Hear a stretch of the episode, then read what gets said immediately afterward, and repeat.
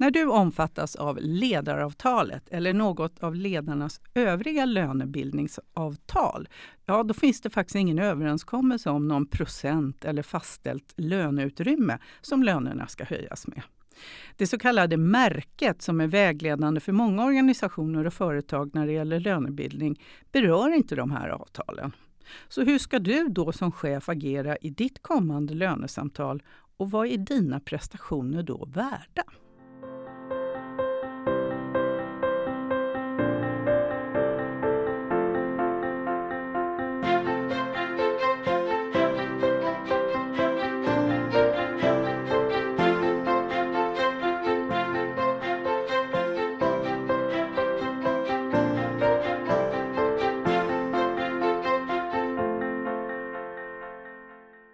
Jag heter Anki Udd och är ledarskapsutvecklare på Ledarna.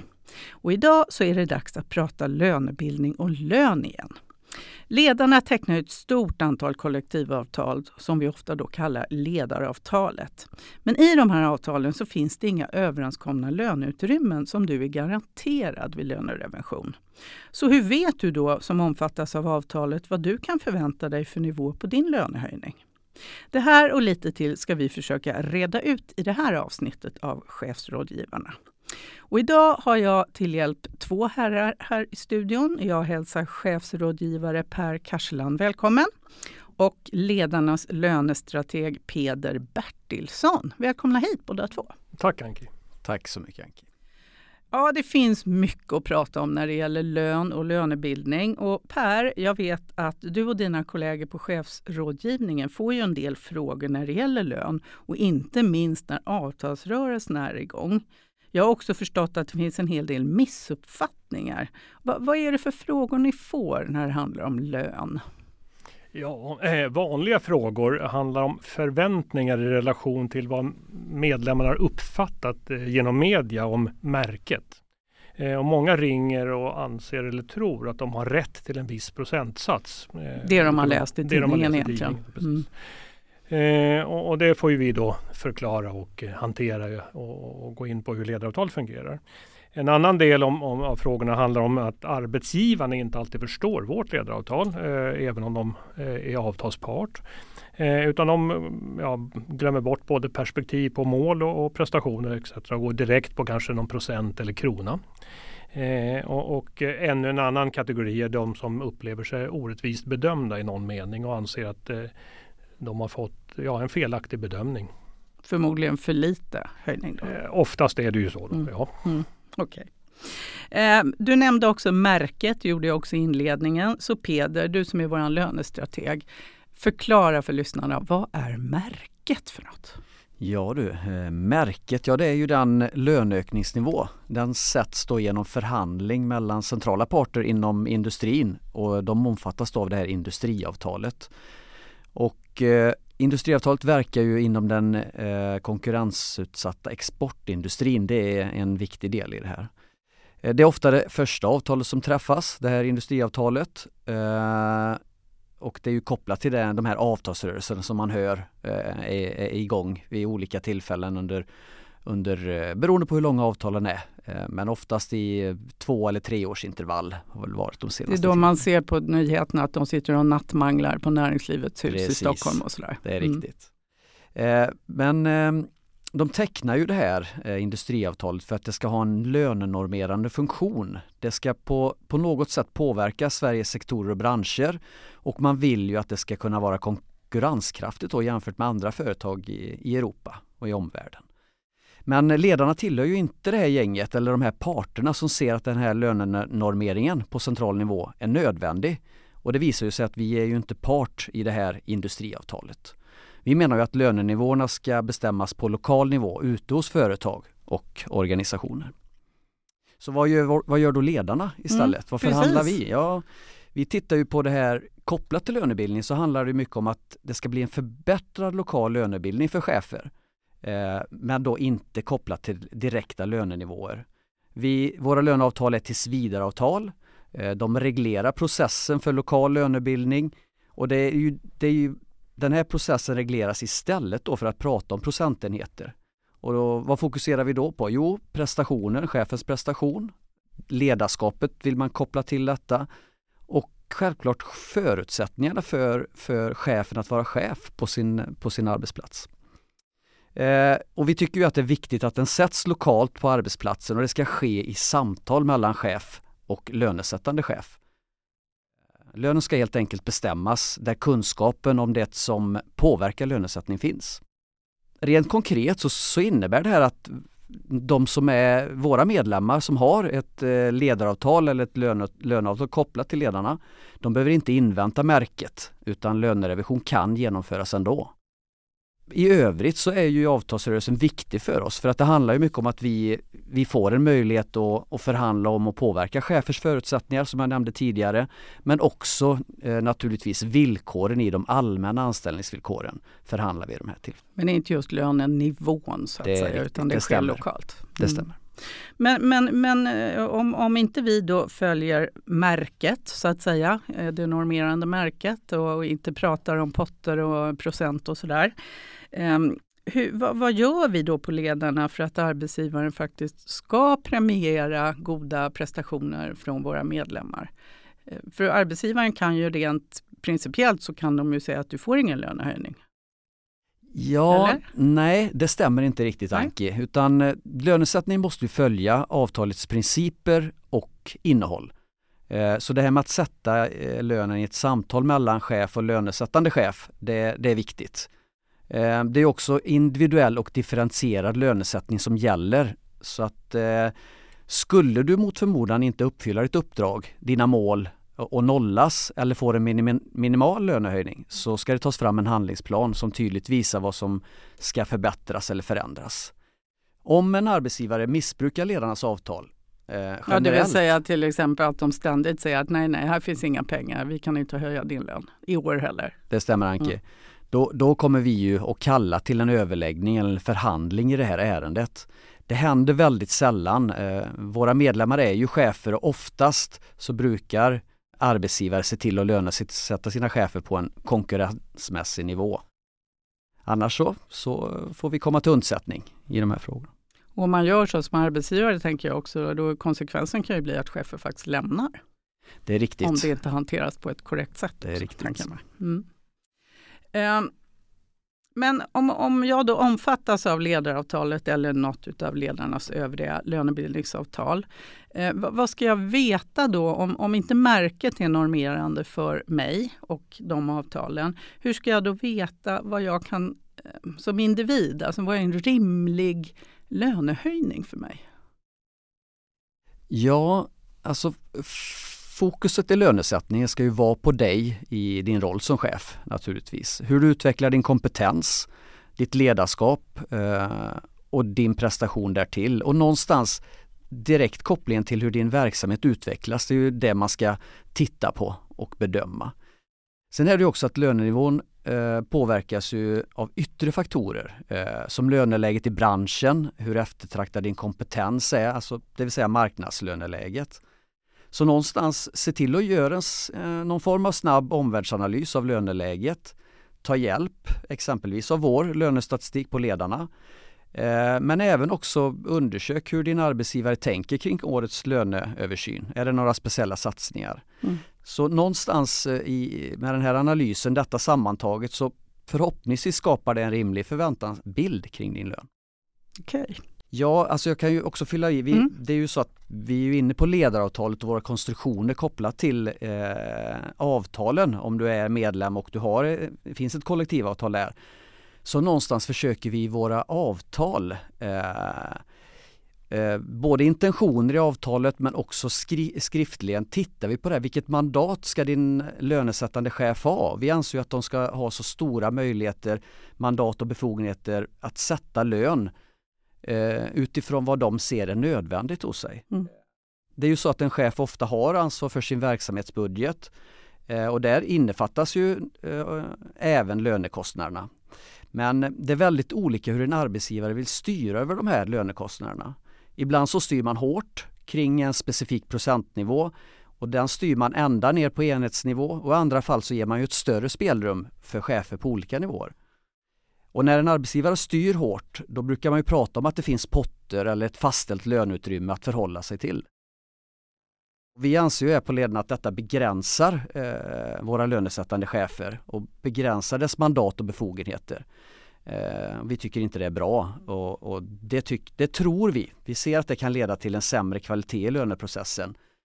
Till exempel om chefen eh, avsäger sig delar av sitt ansvar här i lönesättningen och hänvisar till ledningens beslut om begränsningar exempelvis. Jag kan tänka mig att du Per hör det ibland i, i rådgivningen eh, direkt också från våra medlemmar. Det gör vi. För jag tänker bara för förtydligande Peder att du pratar ofta om processer och processavtal. Ehm, vill du utveckla vad, vad, varför kallar vi det ett processavtal? Så att de som lyssnar förstår. Ja.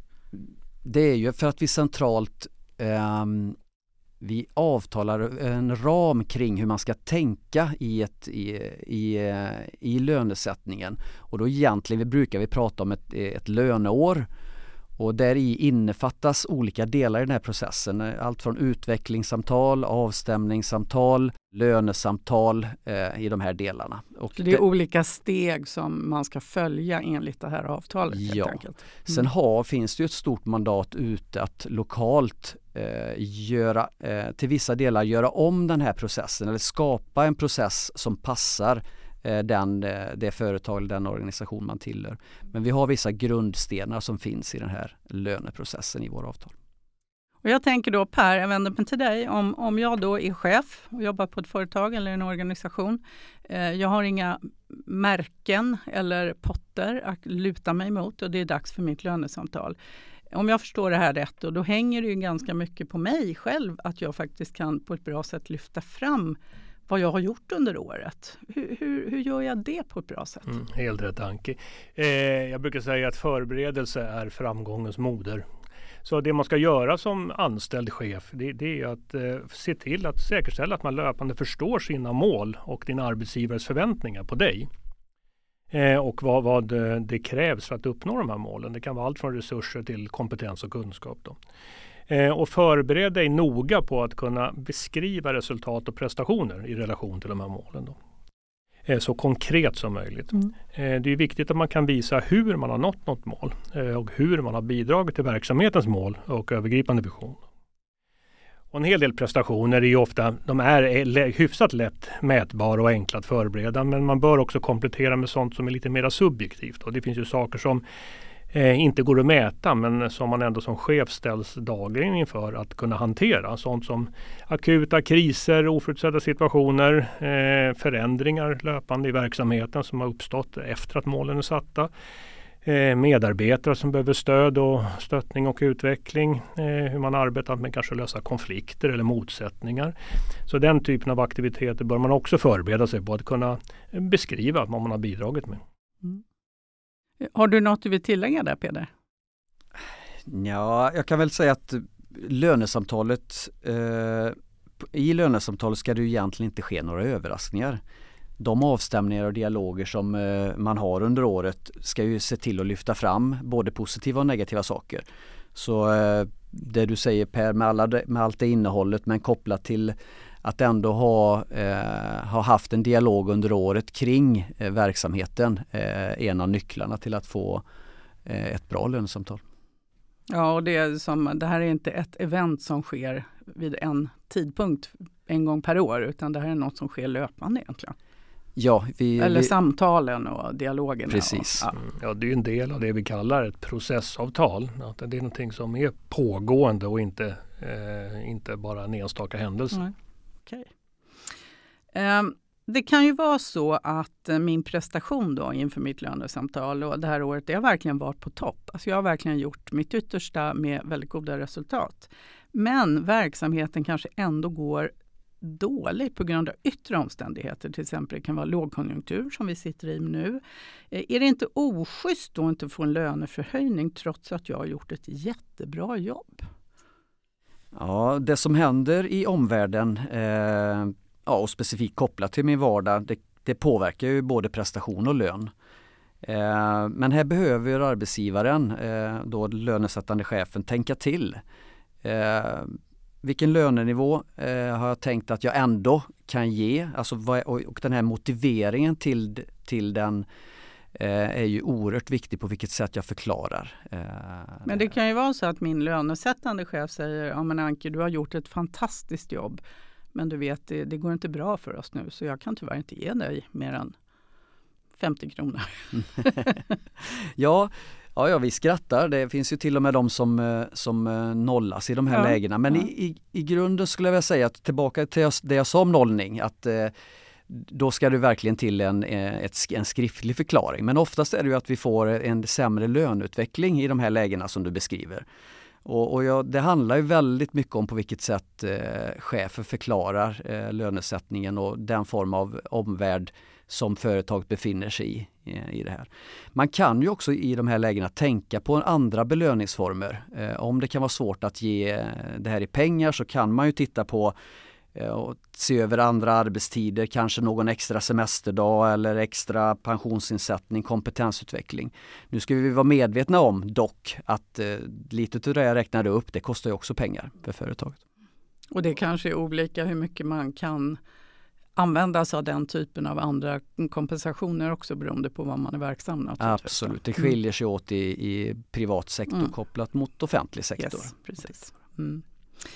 Um, och det här med, jag tänkte just komma in där på offentlig sektor. Eh, om jag jobbar i offentlig sektor så kan det vara lite svårt att hänvisa till om verksamheten går med vinst eller förlust. Det är inte liksom deras verksamheters mål så att säga att gå med vinst.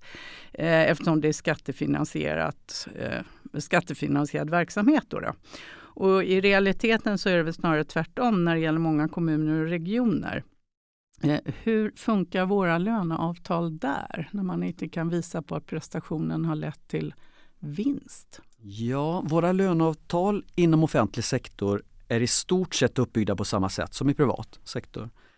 Det är ju lokal lönebildning, processlöneavtal som vi varit inne på tidigare, alltså där lönen sätts differentierat och individuellt i samtal mellan lönesättande chef Eh, huvudfokuset ligger på att få till verksamhetsutveckling eh, och att nå de målen verksamheten satt upp, utöva ledarskap och titta på prestationen. Det blir lite upprepning av det som har sagts tidigare men det visar någonstans att det, det skiljer sig inte så mycket utifrån det perspektivet, avtalsperspektivet.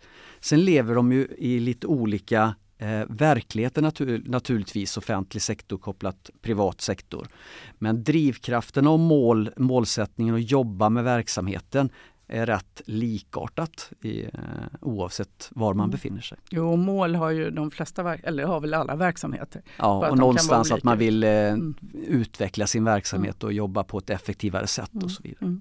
Vi ser ju också när vi undersöker eh, hur våra medlemmar upplever processen, hur den sköts i, på offentlig sektor, så får vi oftast relativt god, goda betyg kopplat till det.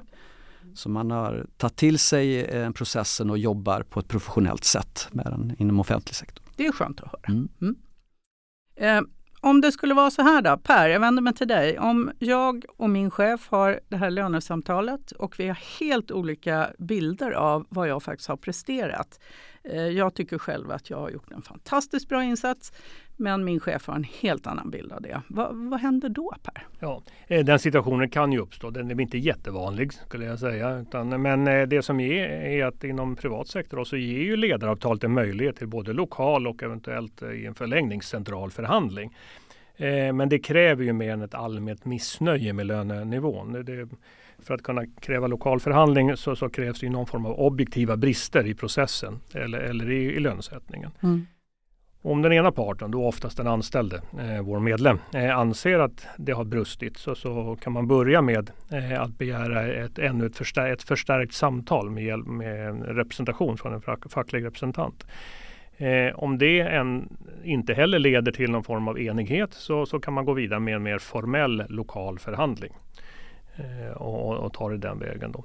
Eh, så, så missnöjet går att hantera i en process. Men det betyder ju inte att man i slutändan blir helt eniga. Det kan Nej. ju fortfarande kvarstå ett missnöje så att säga. Så, men det finns inget facit på hur man löser det. Men det finns en process för de steg man kan ta för att mm. nå enighet. Okej, okay. så man är inte helt utlämnad. Alltså om man är missnöjd så kan man faktiskt lyfta den här ja, frågan ja, vidare. Absolut. Om det man, skulle vara man kan ju alltid börja med att ringa till rådgivningen mm. eh, som medlem. Det är ett bra tips. det är ett mycket bra tips. Eh, kan lönen sänka sitt lönesamtal om jag har presterat undermåligt? Eh, I princip nej eh, med versaler eh, skulle jag säga. Eh, en lönesänkning är ju en förändring av de grundläggande och underliggande anställningsvillkoren. Eh, och för att göra det så krävs det ju det som kallas för sakliga skäl enligt LAS. Och det är ganska tydligt reglerat i lag och även avtal hur man kan förfara och vad som krävs för att kunna förändra någons villkor. Eh, så, så nej, eh, svaret är nej på den mm. frågan faktiskt. Däremot så kan man bli utan lönehöjning däremot. Man det kan bli nolla, ske ja, i så fall. Det, det kan hända. Mm, okay. eh, om vi tänker nu, de som lyssnar, de sitter här nu inför, ja nu är det dags snart för lönesamtal. Eh, vad, vad, är viktigt att tänka på? Hur, hur bör jag som chef agera i mitt eget lönesamtal? Någon av er, shoot!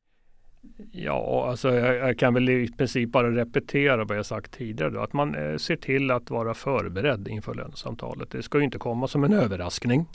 Eh, och det du har gjort ska inte behöva komma som en överraskning för din chef heller, även om det kanske ibland gör det. Eh, så eh, skriv ner, dokumentera, ta med dig en, eh, anteckningar om saker du vill lyfta fram. Mm. Förberedelser är ditt mm. nyckelord, absolut. Ja. Peder? Ja, eh, jag kan inte annat än att hålla med dig Per där. Eh, men någonstans i samtalet att, eh, att man inte bara fokuserar på de mätbara målen i form av resultat utan även lyfter hur man har agerat eh, vid olika situationer och händelser. Du var inne på det innan i en tidigare fråga där Per. Men jag kan väl förstärka det lite grann att, att eh, ta det vidare hur du agerar. Eh, det är ett bra sätt att visa på Eh, hur, du, hur du tänker och hur du jobbar med din eh, grupp. Mm. Eh, så någonstans med att väva in mer mjuka värden i samtalet så, så blir, blir det en, en djupare bild utav dig som, som chef. Mm. Och någonstans tillbaka till det här med prestation. Att någonstans, en bra prestation inte alltid innebär att, att man når sina resultat och mål. Eh, utan att det också handlar om vilka förutsättningar man har att, att nå sina mål. Mm. Att man får prata och tänker igenom det också. Ja, inför världen samtalet. har ju en del att säga till om också, vad som sker omkring oss faktiskt. Inte bara internt i organisationer. Precis. Så är det ju. Ni har ju båda pratat om liksom att dokumentera och förbereda er inför lönesamtalet och vad det är vi lyfter upp och både mjuka och kanske hårda eh, frågor så att säga. Eh, det är ju så, om jag är lönesättande chef och så har jag en, en underställd chef då och vi ska ha ett samtal Eh, och människor beter sig olika. Vi pratar olika mycket för olika saker. En del pratar vitt och brett och verkligen kan beskriva och ta upp väldigt mycket man har gjort. Medan andra kanske har gjort lika mycket men inte är lika vad ska vi säga, verbala eller liksom snabba på att lyfta fram det eller hörs inte lika mycket. Hur, vad, vad ska jag tänka så det inte blir knas i den här relationen och dialogen? Som eh, lönesättande chef har man ju självklart ett ansvar. Eh, man äger processen. Eh, det är det första och det innebär att man ska förstå att man behöver vara tydlig med vad man vill åstadkomma i det här samtalet och vara tydlig med sina förväntningar. På både samtalet som sådant, den där stunden man sitter, men, men även de förväntningar man har på sin underställda chef i form av löpande avstämningar och vad det nu kan tänkas vara. Så, så ett ansvarstagande och ramsättande eh, är ju det som man kan förvänta sig av eh, den lönesättande chefen. Mm. Så det är ett ömsesidigt ansvar, en förberedelse för mig som ska bli lönesatt och också ett ägarskap av hela ja, processen precis. till lönesättande chefen. Mm.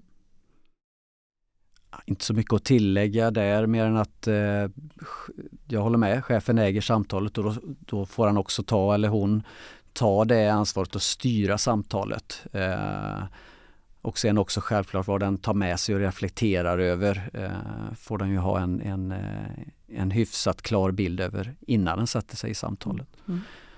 Då kan han säkert förhålla sig till en person som pratar mer eller, eh, eller pratar mindre. Mm. Stort tack för att ni var med här idag och det jag tar med mig är kontinuerlig dialog, rätta mig om jag har fel, inte bara ett event en gång om året. Eh, tydlighet eller förberedelser. förberedelser. Tänk ner, dokumentera vad jag har gjort och vad jag vill lyfta upp. Eh, och också att den lönesättande chefen verkligen äger den här processen. Är det rätt uppfattat? Det är rätt. Ja, ganska rätt Absolut. uppfattat. Härligt. Jag hoppas att du som har lyssnat och som omfattas av ledaravtalet eller något av ledarnas övriga lönebildningsavtal fått en lite djupare förståelse för hur det fungerar och vad du behöver göra för att få en positiv löneutveckling. Och ha en lön som upplevs som schysst och begriplig, det är självklart jätteviktigt. Men att ha ett intressant och stimulerande arbete är ju det som på sikt skapar tillfredsställelse och engagemang, vilket kanske ibland väger lite tyngre ändå. Och du kommer väl ihåg att du kan skicka in din egen fråga till oss på chefsrådgivarna på chefsradgivarna.ledarna.se. Tack för att du lyssnade.